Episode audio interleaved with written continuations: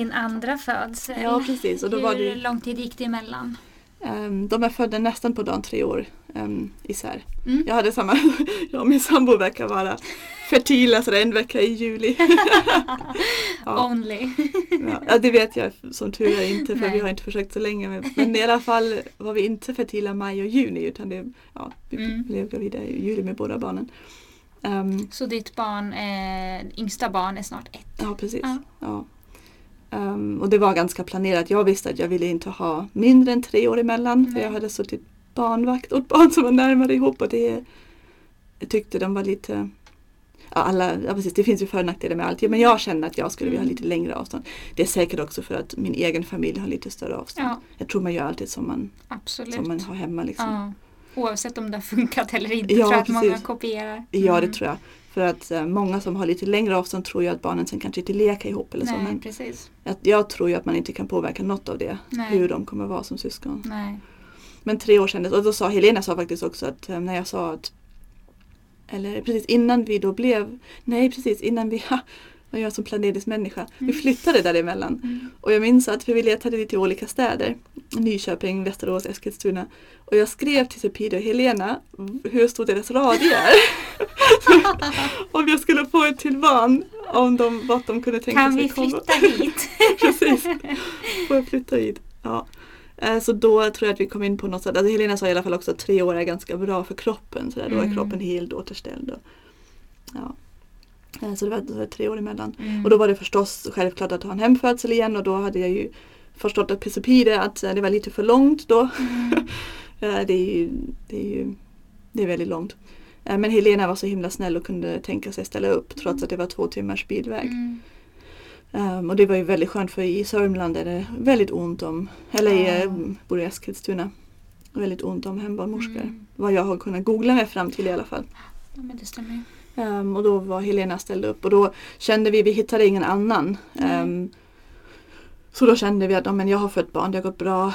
Um, det räcker med en barnmorska. Och jag kände i, i början på graviditeten då med andra barnet kände jag att jag skulle till och med kunna föda på, alltså jag skulle klara av att föda på sjukhus. Mm. Just för att jag visste, hur visste hur det var, jag visste att jag klarade det, jag visste att jag kommer kunna neka smärtlindring. För med första barnet var det så att jag vill inte vara någonstans där det finns epidural. Nej. För kanske jag får så ont att jag vill ha det sen. Mm. Men jag vet ju riskerna och nackdelarna och jag vill eh, Mm. verkligen inte ha en epidural till Nej. exempel. Så då kändes det mycket säkrare att vara hemma där det inte Mm. ens finns. Inte så ha någon eh, som att ha en godis som man älskar hängande framför sig. Liksom, jag får inte ta den, jag får den. Jag vill inte ta den men. Exakt och jag tror också apropå smärta, jag tror att smärta känns mer om man på något sätt väljer det själv. Alltså Ja. om jag sitter där och har ont och sen vet jag att ja, men jag väljer att jag har ont. Jag Exakt. skulle kunna ta det här och det här och Mm. det här. Som finns här precis på andra sidan dörren. Då tror jag att det är mycket mer ont. Men om jag är hemma någonstans och det var så här, jag har alla möjligheter som finns. Jag har vatten, jag har akupunktur. Allt som finns har getts mig. Då tror jag att det är enklare att, och, Absolut. då tror jag smärtan blir mindre. Liksom. Ja, det är många som bestämmer sig för epidural och då upplever de att fram tills att bebisen, liksom, tills att epiduralen kommer, att det är liksom värsta perioden. Mm. För då har man bestämt sig att säga, jag klarar inte det här utan. Och då blir det nästan outhärdligt och man vill, hade velat ha epiduralen helst igår. Precis. Och då är det som att moroten dinglar där. Varför kommer det inte? Varför kommer det Ja. inte? Apropå det, det är ju helt sjukt att förlossningsenheten inte har en egen narkosläkare. Mm. Utan att de måste vänta hur länge som Mm. helst. ibland. Verkligen. Jag lyssnade på eh, sista här, då väntade jag med sex timmar Ja. på epiduralen. Det är helt sjukt. Ehm, nej, så då, um, då var Helena och då kände vi att ja, men det går bra med en barnmorska. Om hon skulle vara sjuk eller sånt så då kan jag faktiskt åka in. Mm. Ehm, men då hade vi um, en doula backup. Mm. Alltså vi kollade närmsta, närmsta doulan. Ja, vem Ehm, hade ni? Jackie. Ja. Ja, för Som bor, också har kapslat in. Ja, Mm. ja precis. Alltså det var det jag hade kontaktat Mm. henne om inkapsling och sen ehm, när det blev tydligt att vi har en hembarnmorska bara då frågade jag men kan du vara jour? Mm. Att om vi åker in på sjukhus så vill jag att du är med. Och sen hade vi ju skypat lite och jag hade gett henne sådär Det du ska göra är bara hålla bort alla. Ja. Bara säga nej till allt. Så att jag kan få föda i lugn och ro liksom. Ja. Så att min sambo inte ska behöva liksom göra det utan han skulle kunna vara med mig då. Mm. Men det behövdes inte. Sen var det, nu, det blev ju corona sen så hade hon, hon hade inte fått följa med heller. Nej. Men vi, ehm, vi behöll ju henne förstås. Alltså, vi liksom jag har inte avbokat henne eller sånt för corona för det är ju ändå en stor trygghet eller om sambon hade varit sjuk eller sånt. Precis. Men eh, vad som var intressant var att under graviditetens gång kände jag mer och mer, i början kände jag att jag kan föda på sjukhus i värsta fall, liksom, det kommer gå bra. Men ju närmare det kom var det så nej Mm. jag, jag kan inte få vara på sjukhus, det, liksom, det går inte. Och jag hade också, eh, vid nyårsafton där var jag i, var det sjätte månaden eller så, hade jag så konstiga hjärtklappningar så jag Mm. åkte in på kontroll och hade högt blodtryck. Ehm, och kände mig liksom jättekonstig. Och sen skulle jag, det var i Tyskland, eh, och sen skulle vi hemma i Sverige dubbelkolla värdena. Ehm, det var något, ah, jag glömde, det var liksom några grejer i blodet som de ville ha koll på. Och då åkte jag in på ja, Eskilstunas sjukhus då. Mm. Eh, och då fick jag återigen ett bemötande som jag kände bara så nej. Ehm, det, det är sådana jättesmå saker. Mm. Men jag hade med mig, jag hade bett, jag hade skrivit allt hon sa och skrivit alla namn och så vidare. Eh, och sen sa jag till läkaren, förlossningsläkaren som var där att jag kan översätta det här. Jag liksom, innan jag kom försökt kolla upp vad allt är och så vidare på svenska och så vidare. Jag kan översätta det. Men han var totalt ointresserad, tog med brevet. Sen kom han tillbaka efter typ en halvtimme och sa ja, vi hittade faktiskt någon som kunde tyska här. Eh, och, men vi förstår inte allt. Jag sa så här, jag har sagt till dig att jag kan hjälpa till med det. Varför behandlar ni mig hela tiden som att jag inte vet något, jag inte kan Mm. något, jag inte är... Det är mitt barn, det är min Mm. mage. Ah, nej, så då kände jag verkligen att jag kan inte vara på sjukhus. Typ då, som att så här, du skulle kunna översätta det här och så blir det ljug. Typ. Eller liksom, Ja, ja, man har någon precis. slags misstänksamhet eller jag vet inte vad det är. alltså jag tror att det är på något sätt väldigt ingrodd i vården att vården vet bäst. Patienten är en patient, en, en, en passiv del i det Mm. hela. Och jag tror vården skulle ha så mycket att vinna på att börja samarbeta Mm. kring Passivient skulle jag Ja, säga. just det. Passivient. Ja. Ehm, så, ja, nej, det är Mm. jättesmå grejer men det, det stör mig. Liksom. Mm. Det, Och de där grejerna fastnar ju och man kommer Ja. ihåg. Alltså år efter år. ja, Mm. ja, precis. Om man läser sådär folks vittnesmål om, Mm. em, om födslar. Det som sägs när du föder, det kommer du alltid komma Ja. ihåg. Ja. Det är så viktigt i Mm. bemötande. Det är minsta lilla grej kommer du komma ihåg. För Ja. att jag tror sinnen är så himla skärpta. Em, kroppen är så himla öppen liksom. Em, nej, så då, och sen var det ju Corona. Mm. Eh, och då blev det så här, okej shit vad gör vi nu? Um, Då måste var, det också ha känts bra att planera en hemfödsel Ja. redan sen innan. liksom. Jättebra. Mm.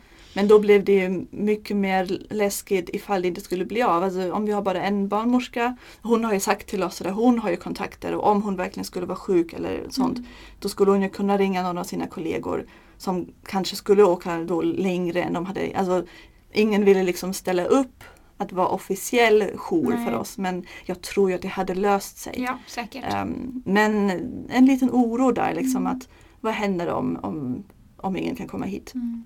Ehm, och sen var det till och med så, mm, det här barnet gick också över BF. Ehm, då ringde jag sen till, för då sa jag till Över sambon att ditt BF eller över då, vårdens BF? nej, då visste jag inte ägglossning så då Nej, hade jag själv ingen koll. Nej. För då hade vi inte, min första barn var superplanerat så Mm. jag hade flera månader innan mätt temperatur och Mm. bla bla och sekret och hit och dit. Mm. Men med andra barnen var det mer sådär, ja vi, vi börjar. Mm, Jag det gick ju så enkelt sist. Ja. Ehm, så då, då vet jag inte men jag antar ju efterhand att det kanske inte var helt rätt BF om båda mina barn vill komma så mycket senare än man Precis. tror. Liksom. Och jag har ju långa menscykler. Liksom. Mm. Ehm, men då minns jag att jag sa till min sambo runt BF där någon gång att okej, helt ärligt talat, jag vill inte föda oassisterat. Men om du skulle vara sjuk Mm. och jag har ingen dola och inte dig, alltså liksom jag kommer inte åka in själv. Då kommer jag stanna hemma. Mm. Och han tyckte då att det inte var en så jätte... Alltså jag sa att jag tycker inte det är en bra idé. Du tycker Nej. inte det är en bra idé. Jag tycker att det ska vara utbildad personal med när ett barn föds. Just för att det är bra att hålla koll på om allt fortfarande är bra. Ehm, det är inte farligt att föda men för vissa kan det ibland bli Mm. liksom komplikationer och då är det bra om någon barnmorska är med. Men jag har sagt att jag, jag kommer inte åka in utan dig. Nej. Om du är sjuk och vi inte får, du får inte komma in, då kommer inte jag åka in heller. Nej. Så jag var liksom lite inställd på, jag blev liksom så lite sådär på kamp-mode på något Mm. sätt. Att sådär, det här tänker inte jag göra. Ehm, och sen um, ja, men gick dagarna och det närmade sig mer och mer. Jag tror Eskilstuna har nog 41 plus 2 där Mm. de vill sätta igång. Mm. Jag personligen känner sådär 42 är väl ganska lagom. Mm. Eh, Men sen hade faktiskt min mamma och syster rest till. För om man har ett barn sen innan och ska föda hemma. eh, Då är det ju väldigt bra att ha, eller jag tycker att man ska ha en till vuxen som bara är där för barnet. Mm. Eh, för jag vill inte att min sambo ska behöva vara förälder när jag Nej, föder. precis. Och mitt barn kommer behöva ha en person som också kan förklara kanske eller liksom gå ut och leka eller vad vet jag. Mm. Eh, Så då hade min syster och min mamma kommit strax innan karantänreglerna satte igång. Puh. Eh, ja, och då var det lite så att ja, men de måste åka hem snart. Så det, då tog jag drinken Mm, igen. mm. Och det var, det var så svårt för mitt första barn då var det liksom tvunget. Jag var tvungen att ta drinken för annars hade det blivit igångsättning. Mm. På grunder som jag kan stå bakom. Liksom. Mm. Eh, Men med det här barnet, det var sådär, för jag hade gjort hinsvepningar, jag hade gjort, jag hade gjort allt som jag kunnat och MVC-barnmorskan sa att men du är typ två centimeter öppen. Mm. Det är jättemjukt. Um, sen skulle jag komma tillbaka två dagar senare och hon sa men om du kommer tillbaka. Mm. Och så kom jag tillbaka och hon var så jaha jag trodde du skulle ha fött vid det här laget. Liksom. Så det var ju, kroppen var ju redo. Då visste du att tappen var mogen. Ja Mm. precis. Och att jag dessutom ja, var väldigt, ja, väldigt gynnsamma förutsättningar. Mm. Hon, jag pratade också med, eller första gången på MVC så var jag lite hemlig med hemförlossningar för jag ville inte bli ifrågasatt. Jag sa det ganska sent, också vid vändningsförsöket sa jag inte det. Nej. Först i efterhand och så för jag ville inte att någon hittar på någon anledning att, Nej, att jag inte skulle kunna föda hemma. Men andra var jag superöppen sådär från början. Mm. Jag kommer föda hemma, det är liksom, spelar ingen roll vad du säger. Bla, bla, bla. Mm. Men då hade jag en barnmorska som var ganska stöttande och liksom Mm. öppen för det. Och hon sa också att när jag sa att jag kommer ta drinken i så fall sa hon ja men typ, det får inte jag säga men gör det. Typ. Mm. Um, det, hon sa att det, din tapp och din kropp verkar vara redo. Mm. Men det var så himla konstigt att jag ringde båda mina bästisar och så här, får man göra det? Mm. Får man sätta igång en förlossning? Bara för att man själv tycker Precis, att det är det en passar. intervention? Ja, och lite sådär, ja men lite sådär, jag är inte spirituell av mig alls men får jag bestämma när mitt barn kommer? Ja, Det får det. väl barnet få bestämma Mm. så det var väldigt svårt. Och jag Att minns ta att, den liksom beslutet. ja, för jag är ju lite sådär, nat- naturen vet bäst och så. Mm. Ehm, och så första kvällen då efter vi hade pratat om att kanske ta drinken så att barnet skulle hinna komma innan min mamma och syster åkte iväg. Då kunde jag inte, jag kände nej jag kan inte, jag kan inte forcera ut det här barnet. Men sen efter andra dagen så kände jag okej, jag har tagit, och grejen var lite grann så att jag hade ju lite grann känslan av att det kommer att bli drink i alla fall sen. Mm. Alltså vad händer om jag ändå måste ta drinken om en Mm. vecka? Då kan jag lika gärna ta den nu. Jag var lite sådär, jag litar ändå inte på att um, datumen och sånt passar överens med när mitt barn vill komma. Mm. Ehm, om det blir ett tredje barn så ska jag verkligen försöka att få en bättre, alltså en senare BF. Mm. För jag vill ju gärna vara med någon gång om spontan ehm, början. Mm. För då, men då sa Helena att ehm, jag skulle ta den just innan jag lägger mig. För då Mm. hinner man sova några timmar Mm. innan det går igång. Och det gjorde jag. Jag tog den klockan 12. Jag brukar alltid säga att man ska ta den på morgonen. Ja, det var lite, ehm, det är lite olika. ehm, på morgonen är ju ibland det egna oxytocinet inte så högt för Nej, att precis. kroppen går igång och det är adrenalin i kroppen och så. Men att man tar Så- det så precis när man har vaknat, typ när man har Mm. liksom fått sova länge och sådär. Men Jag tror olika. att det finns, precis, det finns inte rätt och fel utan man får Nej. känna in. Mm, exakt. Jag kände säkert också att eftersom jag gjort det förra gången på kvällen så passade det bra. Men då Mm. gjorde jag liksom, tog jag den klockan 12. Vi gick och la oss och sen eh, klockan tre gick det igång. Återigen med liksom en verk utan pausar. Okej. Mm. Ehm, men lite kortare och då ringde jag Helena förstås och sa men det har börjat nu. Ehm, och, men då blev det aldrig riktigt att det verkligen blev lugnare utan det var en ehm, det var en väldigt tryck och jag minns inte riktigt exakt när men alltså hela, hela födseln, den födseln tog två timmar och 50 minuter. Ja. Så att någon gång där efter en timme tror jag, eller efter en trekvart så ringde jag Helena igen och sa att det är en otroligt tryck neråt. Jag tycker du ska komma ändå. Eh, Det känns som att det, mm, det kommer gå fort. Mm. Eh, Och sen hon hade ju två timmars bilväg. Mm. Så, ehm, och då, hade jag liksom, då hade vi badkar. Så då Mm. badade jag liksom egentligen hela tiden. Gick upp, upp emellanåt för att gå på toa. Och då kom det igång mer. Det är ju ofta så att när man är på toa så slappnar kroppen av lite ännu mer. Och man liksom Mm. gör sig av med kiss och bajs om man är i Mm. vägen och, så, och sånt. Ehm, och sen när jag var i badet igen kände jag efter själv. Och precis, grejen är att i slutet på graviditeten så hade jag känt efter själv några gånger. För jag hade ju lite en tanke om att typ Freddy skulle lära sig min, min eh, livmodertapp. Mm, din sambo. För, ja, precis, min sambo. För att barnmorskan så var långt borta så jag tänkte lite grann, om han kan lära sig hur det ska kännas Mm. normalt då kan han sen säga okej det är igång eller inte. Mm. Lite sådär. Men hela den graviditeten var den borta. Ja. Jag kunde inte hitta det själv, det var så Nej. mjukt alltihop och jag kunde aldrig själv hitta min livmodertapp. Nej, den var Så- säkert väldigt bakåtriktad. Ja. Mm. Och super super mjukt alltihop. Ja. Det var liksom inte alls som mitt första barn. Nej. Ehm, Så då blev det aldrig av det blev någon, någon cervixutbildning där. Nej. Men då i badet kände jag själv och då kände jag att det var Precis, först kände jag huvudet mellan, alltså em, bakom hud så att säga. Alltså då Ja. kände jag barnet hade sjunkit ner Mm. men det var fortfarande en massa hud emellan. Mm. Alltså men, livmodertappen Mm. och sånt, livmodern. Sen kände jag efter några gånger och då kände jag att huvudet hade kommit längre ner. Mm. Och sen, efter jag hade ringt till Lena redan, då kände jag efter igen. Och då kände jag hur det var öppet och jag kände hår och det var så, det var så himla mysigt. Att själv känna, och jag tror att det var typ 5-6 centimeter. Mm. Ehm, Då hade vattnet inte gått. Jo men den började gå, jo men den gick där i samband med att verkarna Okej. satte igång. Ja. Inte sådär som en splash Nej. men liksom sådär droppar lite och så. Mm. Ehm, men det var alltså det var, det var ingen buktade hin Du kom Ehm, direkt på huvudet. precis och Mm. håret. Och det var, det vill jag verkligen skicka med alla att Ja. Jag tror att, alltså så här, jag tycker att kvinnor ska ta tillbaka födandet. Eh, Man själv är den främsta auktoriteten, man själv är den som äger en födsel. Och då är alla hjälpmedel som gör att man själv vet vad man är bra. Känn efter Mm. i slutet på graviditeten, under födseln. Och då gör det inte ont heller för man känner kanske inte under en värk utan Nej. jag kände emellanåt, det Mm. gjorde inte alls ont. Ehm, jag kände hur det sjönk ner, jag kände hur det var öppet, livmodertapp, jag kände kanterna på den. Eh, Jag kände hår. Min dotter hade ju känt på huvudet när den typ var genom skärn, Mm. alltså när den redan var ute så att säga. Mm. Ehm, då kände jag henne, men det här barnet hade jag alltså känt inne i slidan fortfarande. Otrolig kraft i det, otrolig liksom, att man blir i kontroll av det hela. Och då sa jag också till Freddy, det här barnet kommer komma innan Helena. Ja. Och då blev han ju lite nervös, ehm, tror jag. Min mamma, alltså då blev alla lite sådär, okej ska du komma upp ur badet? Liksom för Mm. varmt vatten är ju ibland att det liksom um, skyndar på lite. Mm. Så Helena sa också om vi verkligen vill att det ska gå långsammare så kanske man ska kliva upp ur badet och kanske lägga sig ner. Mm. Um, men jag ville inte det, jag kände men det spelar ingen roll om barnet kommer innan Helena. Hon är ändå på väg liksom. Mm. Och du hade ändå flera runt omkring. Och jag hade ju hunnit bli förlossningsnörd så jag kände att jag, jag hade läst om, om allt. Jag minns inte, jag var i samma veva som Bad As Mother Birther la Mm. upp sin video där barnet fastnade i shoulder dystoci Ja. och hur de gjorde det. Men jag tror det var strax efter. Mm. Men liksom förutom det så kände jag att jag hade läst på om det mesta. Eh, och så ja, mycket riktigt så började krystvärkarna. De, det var inte så att det bara slutade göra ont. Det var som de andra verkarna. Ja, okej. Fast att Mm. jag också krystade. Mm. Eh, och jag låg i badet och, ehm, och så kom, kom han. Vi visste återigen inte vad det var för kön. Men, ehm, och jag minns att när huvudet var redan ganska nära, alltså det började liksom synas och så. ehm, då minns jag att han sparkade ganska mycket en gång. Det tror jag de roterade lite eller så. Mm. Men det var så himla skönt för mig för du visste att han lever. Mm. Alltså det var ju lite, jag märker att ehm, när jag tittar, den här gången har vi foton och filmer. Mm.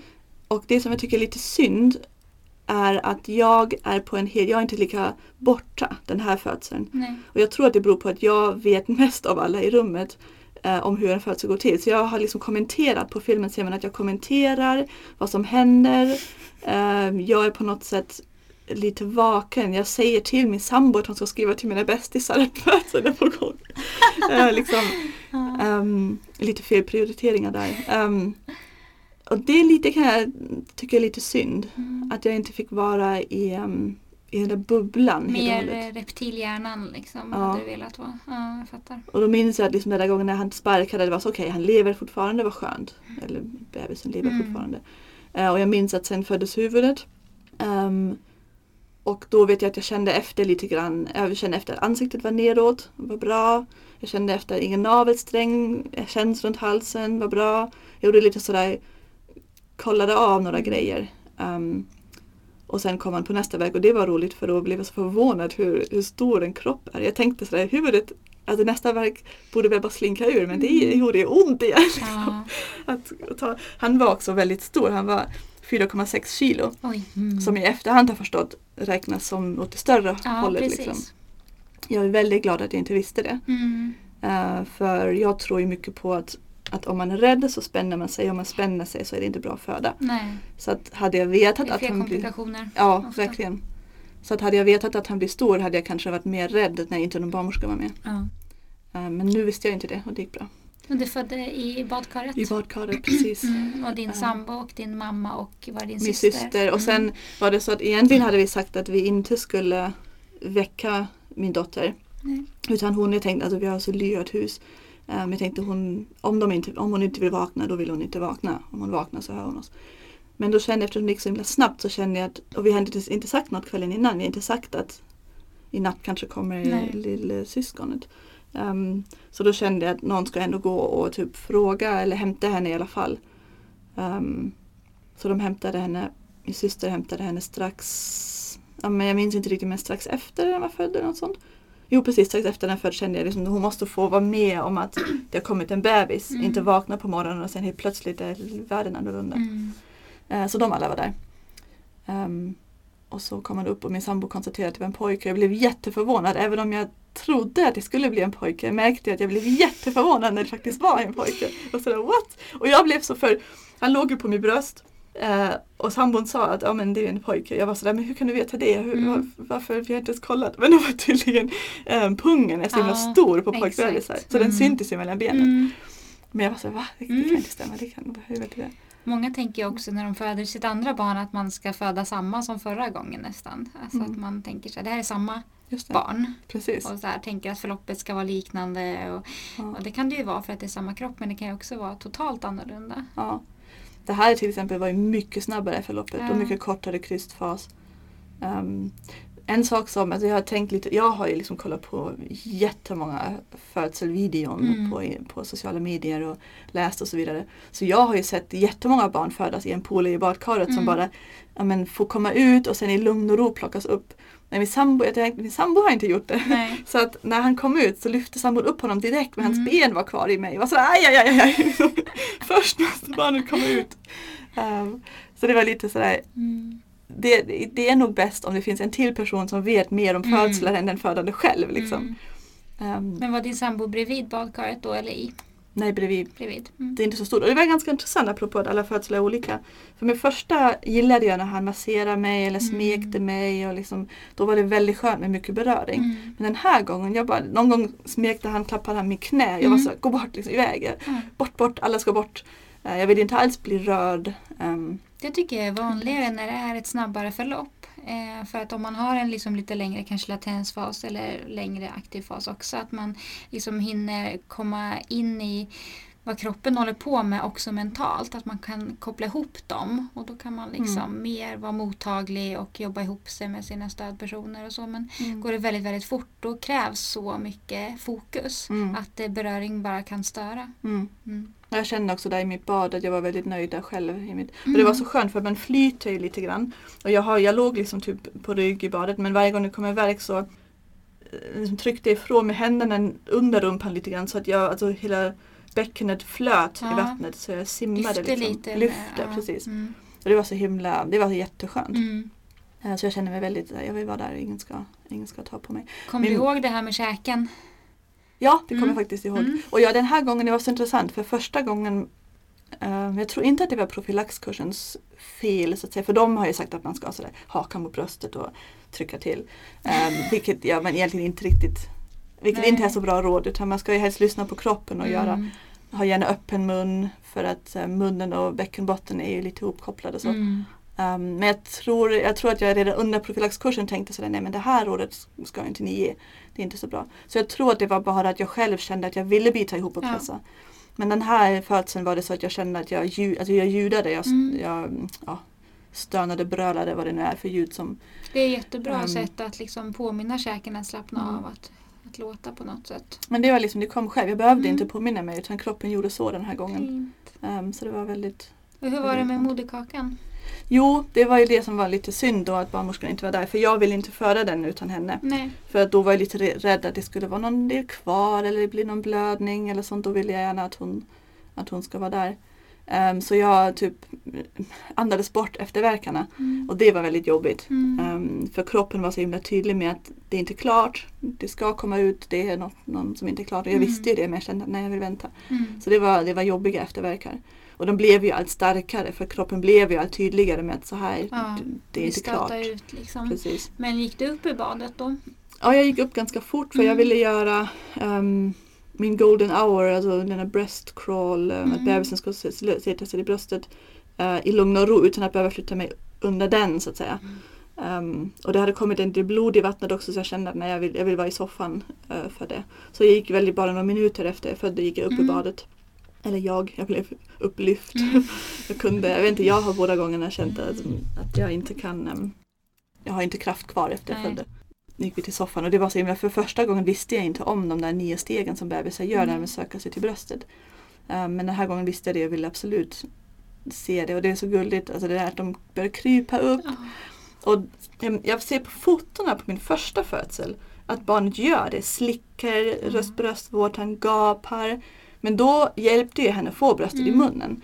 Och jag har, alltså vi hade lite krånglig amningsstart då med första barnet och jag tror att, eller jag ville, jag ville det här andra barnet ville i alla förutsättningar att ha en bättre amningsstart. Mm. Jag handmjölkade råmjölk innan um, ehm, BF, några veckor innan BF och sparade det. Um, jag gjorde, lät honom då leta sig själv till bröstet och då är det först gapa dem en massa och försöka. Det ser ut som att de vill ta bröstet. Men um, man ska ändå vänta in att de verkligen själv tar det. Mm. Och det var väldigt fint att se. Um, och sen kom Helena efter en stund och, och då typiskt nog ville moderkakan inte släppa riktigt. Nej. Så då fick jag ställa mig upp på, hu alltså på alla fyra igen för att mm. få lite tyngdkraft. Och hon satte några nålar också och sen kom det. Och sen mm. var jag tvungen att, alltså sen ammade jag. Alltså, mm. Egentligen hade bebisen redan varit lite nöjd men då la jag honom vid bröstet igen för att få igång mm. sammandragningar. Mm. Och då kom den ut och det var återigen ganska stor. Alltså man blir så förvånad att det att det känns, alltså att det ska ut en till stor mm. grej. Liksom. Mm. Alltså, vad, vad, vad är det här? Varför ska jag ska jag är inte klart någon gång? Ja, precis. Men hur mådde du första tiden nu efter det andra barnet? Um, jag hade ju, de här moderkakskapslarna kom redan dag tre tror jag. Mm. Um, så det var väldigt skönt att, att få dem. Och nu vet man inte vad som är vad men jag mådde ju ganska bra. Jag tror att jag var fortfarande väldigt men jag var sådär gråtmild och sånt. Mm. Um, men det var, alltså det var så mycket mindre yttre bekymmer. Han var liksom ganska stor och tjock. Um, uh, han ammade, det var liksom ett helt annat sug från början. Bra teknik. Um, inte gul. Inte gul. Det var liksom Det var så mycket enklare på det sättet. Och sen var ju min mamma, min mamma och min syster där några dagar. Mm. Uh, att hjälpa med mitt äldre barn då framförallt. Alltså att fler vuxna, det är bra med så många vuxna som möjligt. Tycker Verkligen. Jag. Um, så det var, ja. Så det blev en oplanerat oassisterad Precis. födsel med andra. Men det, jag tycker ju att man borde alltså Jag är väldigt besviken på information som gravida får. Alltså dels liksom alla interventioner, rutiner som man verkligen borde få information om för att kunna fatta sitt beslut. Mm.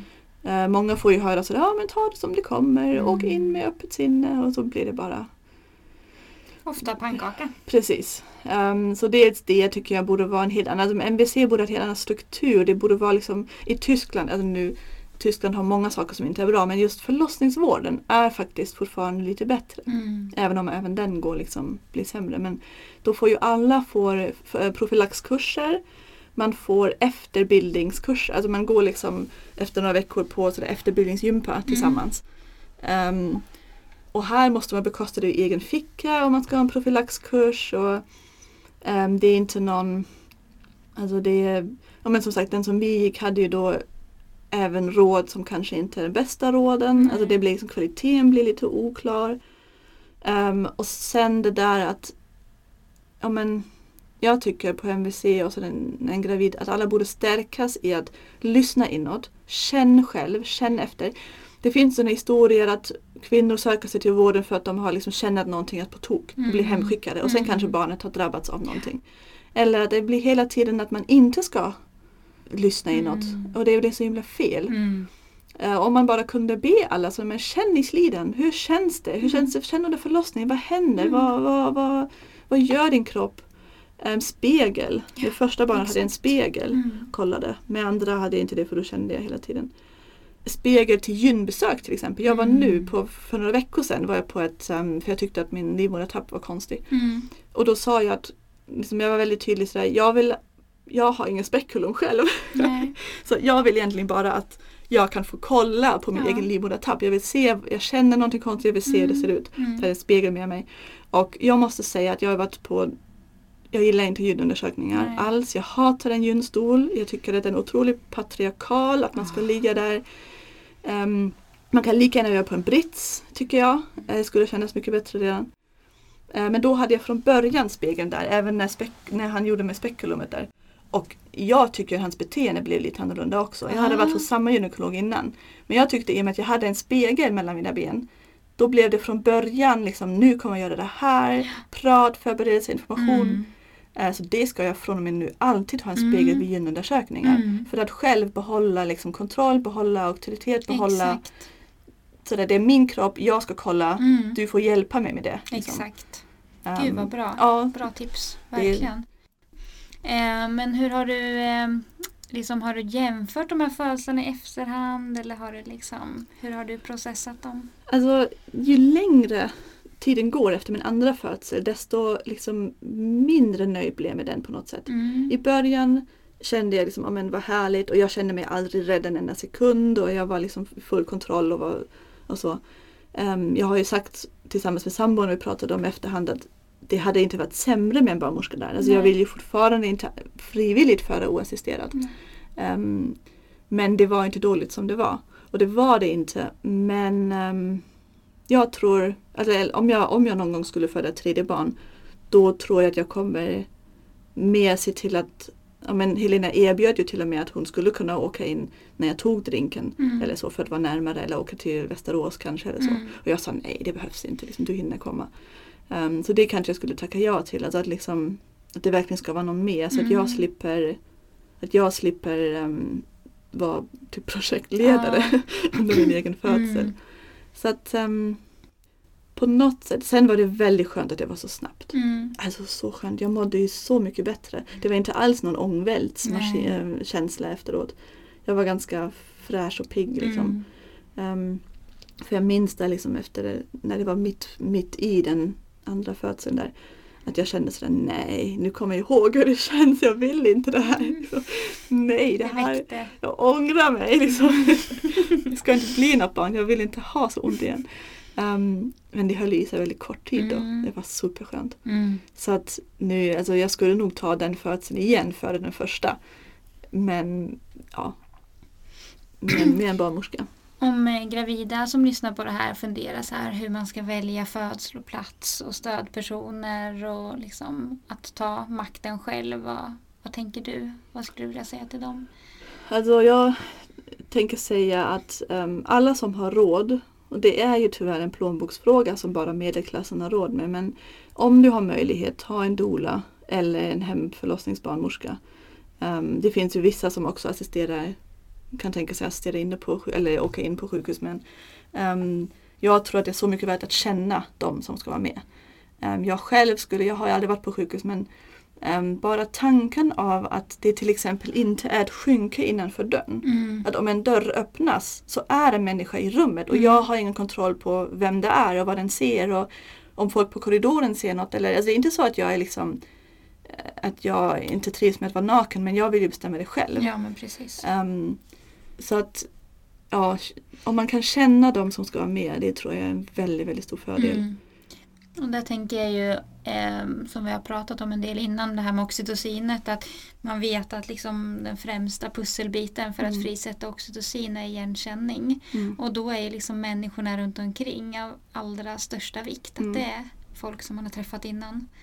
Och jag tänker lite grann att, eh, alltså nu är jag ju lite partisk för att jag från början visste att jag skulle föda hemma och var aldrig liksom rädd eller jag behövde aldrig, jag behövde aldrig göra en riskanalys så att säga. Nej. För att jag var så himla säker på att jag skulle föda hemma.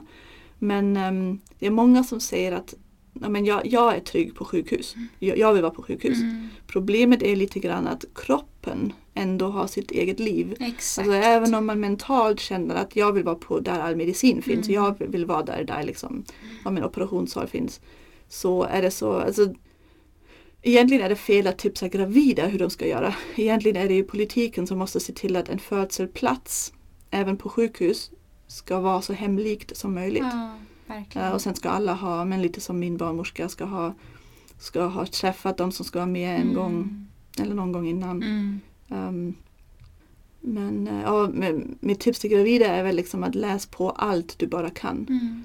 Gå inte bara in med en känsla om att det kommer lösa sig utan Nej. Um, det finns jättemånga, ert konto är jättefin Mm. eh, på Vi skrev ju Instagram. om det här för ett tag sedan, det här med att saker kan aktiveras i kroppen när man kommer till sjukhus som hjärnan inte riktigt har tänkt kanske. Mm. Det är kanske inte, eh, kanske inte uttalade liksom, tankar konkret men att det kan aktivera saker i kroppen som att ja, men någon som jag träffar berättar att ja, men min mamma har varit jättemycket på sjukhus så att jag förknippar ju det Mm. jättemycket med liksom få mediciner och behandling och liksom hjälp. Mm. Och någon annan kanske har varit liksom, blivit opererad för blindtarmen eller alltså olika saker som man Mm. kanske inte liksom, man tänker att det var jättebra att jag var där för jag fick den här hjälpen men när man föder är det ju något helt annat. De Ja. allra flesta är ju friska. Ja, Ehm, precis. Och det, jag tänker att om man ska föda eh, på sjukhus så är det Alltså grejen är patientlagen är ju väldigt tydlig. Det är du som bestämmer. Allt ska ske med ditt samtycke, med ditt informerade samtycke. Det vill säga att eh, man brukar liksom på engelska prata om brain. What are the benefits? What are the risks? What does my intuition? Nej, A först. What are the alternatives? mm, What does my intuition say? And um, what happens if we do nothing? mm, Att liksom verkligen be om allsidig information. Och det är, det är sjukt att ge det rådet för när man föder så vill man inte vara uppe i tankarna. nej. Men ja, om en doula eller sambo eller så kan göra det då. Ehm, och sen bara vet att du får göra vad du vill. Mm, Ingen kan tvinga dig till någonting. Om du inte vill kliva upp ur badet, gör inte det. nej. Om du inte vill ligga på rygg, vänd dig om. Om du inte vill få, alltså liksom inte gå in i en patientroll. Det är så lätt också att man blir kanske skrämd till olika saker. Att så här, men Ja. det här är för barnets bästa Ja. och nu det finns risk för blödning och att man har ett, ett risktänk som Mm. inte är evidensbaserat och som inte är liksom, ja men det är inte okej att behandla friska gravida eller någon gravid på det sättet, någon Nej. födande. Att, Verkligen. att skrämmas eller att fatta beslut när man är rädd. Och det är därför det är så bra om man, om man har råd med doula eller om, alltså om man inte har råd med doula då tycker jag att man ska verkligen kräva av sin partner om man har en eller den som ska följa med den personen. Att sådär, du har nu flera månader på dig, läs på. Precis. Följ alla de här kontona, läs på Mm. för du måste sen kunna eh, typ försvara mig eller Mm. säga att det här liksom, ska vi inte göra. Eller, Mm. den här, eller byt barnmorska. Man kan byta Mm. barnmorska, man kan säga åt folk att gå ut. Man kan liksom alltså, ta, ta kontroll och ta makten. Ja, verkligen. det tror jag jättemånga blir stärkta av att höra. Mm. Verkligen. Sen vill jag också säga att de allra, alltså, jag är så himla övertygad om att de allra flesta barnmorskor vill, vill just hjälpa, alltså vill göra, ge en bra vård. ja, De vill se till att kvinnan föder på sina bästa villkor men det finns ju PM och riktlinjer och rutiner som de måste hålla sig till som kanske de själva tycker är onödiga eller icke evidensbaserade. Eh, Men de kommer behöva följa det om inte Mm. du säger jag vill inte ha det. Precis, de slits ju Mm. lite mellan de två Ja. världarna. Verkligen. Och deras förhållanden är ju fruktansvärda att Ja. springa mellan olika um, Alltså det är ju det som är så skönt. Men hem, alltså, jag brukade ju säga innan jag födde hemma, de som jag har berättat för att jag skulle föda hemma, med första barnet. Och som blev sådär "Åh, Jag och min barn hade dött. Åh, Mm. Hur vågar du? Är inte du rädd? Jag brukar säga nej, jag är rädd att vara på sjukhus. Ja. Jag är rädd att inte ha någon barnmorska med mig. Jag vill ju föda hemma för att det ska vara två Ja. barnmorskor med mig hela tiden som håller koll på Precis. mig och kollar på bebisen. Ja. Jag vill inte att någon går ut ur rummet när jag föder. Liksom. Alltså det, är- det, är- Nej, men så, det är precis som jag tänker också. Jag skulle vara mer rädd för att liksom, föda på sjukhus faktiskt. Ja, vi ska avrunda. Mm. Jag ser här också på porttelefonen att nu kommer nästa poddgäst. Det är fullt Kul. hus idag. Alltså tack snälla för att du ville dela dina berättelser. ja, tack för att jag fick vara med. Det var jättetrevligt. Jättekul. Tack, tack, tack.